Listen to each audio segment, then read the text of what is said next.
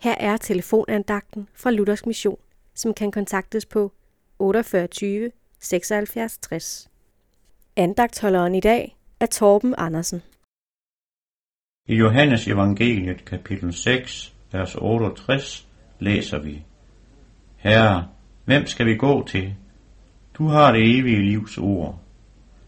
Det er Jesu 12 disciple, der siger dette, da Jesus spørger dem, om de vil gå deres vej fra ham. Disciplen Peter svarer på de 12 vegne, Herre, hvem skal vi gå til? Du har det evige livs ord. Mange mennesker er rådvilde i vores verden. De spørger, hvem skal jeg henvende mig til for at få hjælp? Ofte sker det på forkerte steder, og hjælpen udebliver, og alt for ofte får de også helt vildledende svar, som kun fører til endnu mere rådvildhed. Men hjælpen du søgte, fandt du aldrig.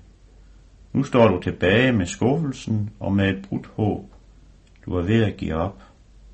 Hør, intet menneske, intet system kan hjælpe dig, men du er ikke skabt til at leve i håbløshed. Selvom du selv har givet op, så er der en anden, der ikke har givet op med netop dig.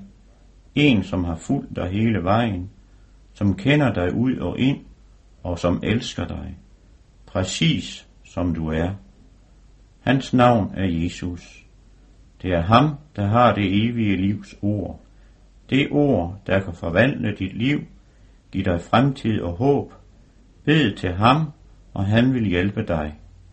Hvad ingen anden i verden kunne, det både ville og kunne han. Amen.